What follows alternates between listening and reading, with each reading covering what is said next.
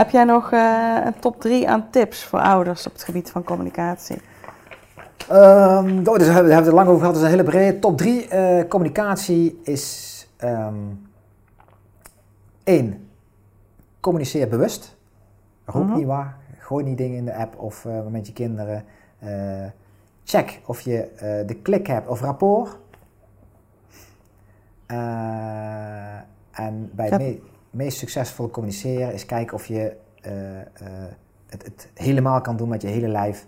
En, en contact kan hebben. Dan half ergens met je aandacht weg of stilzitten in een hoekje.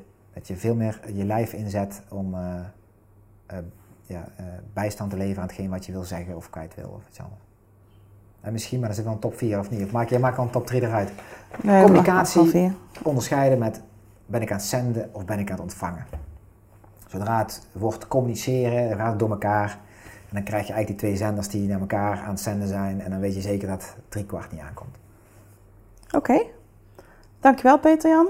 Ouders hebben weer heel veel kunnen leren over de communicatie. Heel gedaan, super. En uh, tot de volgende keer. Ja, tot de volgende keer.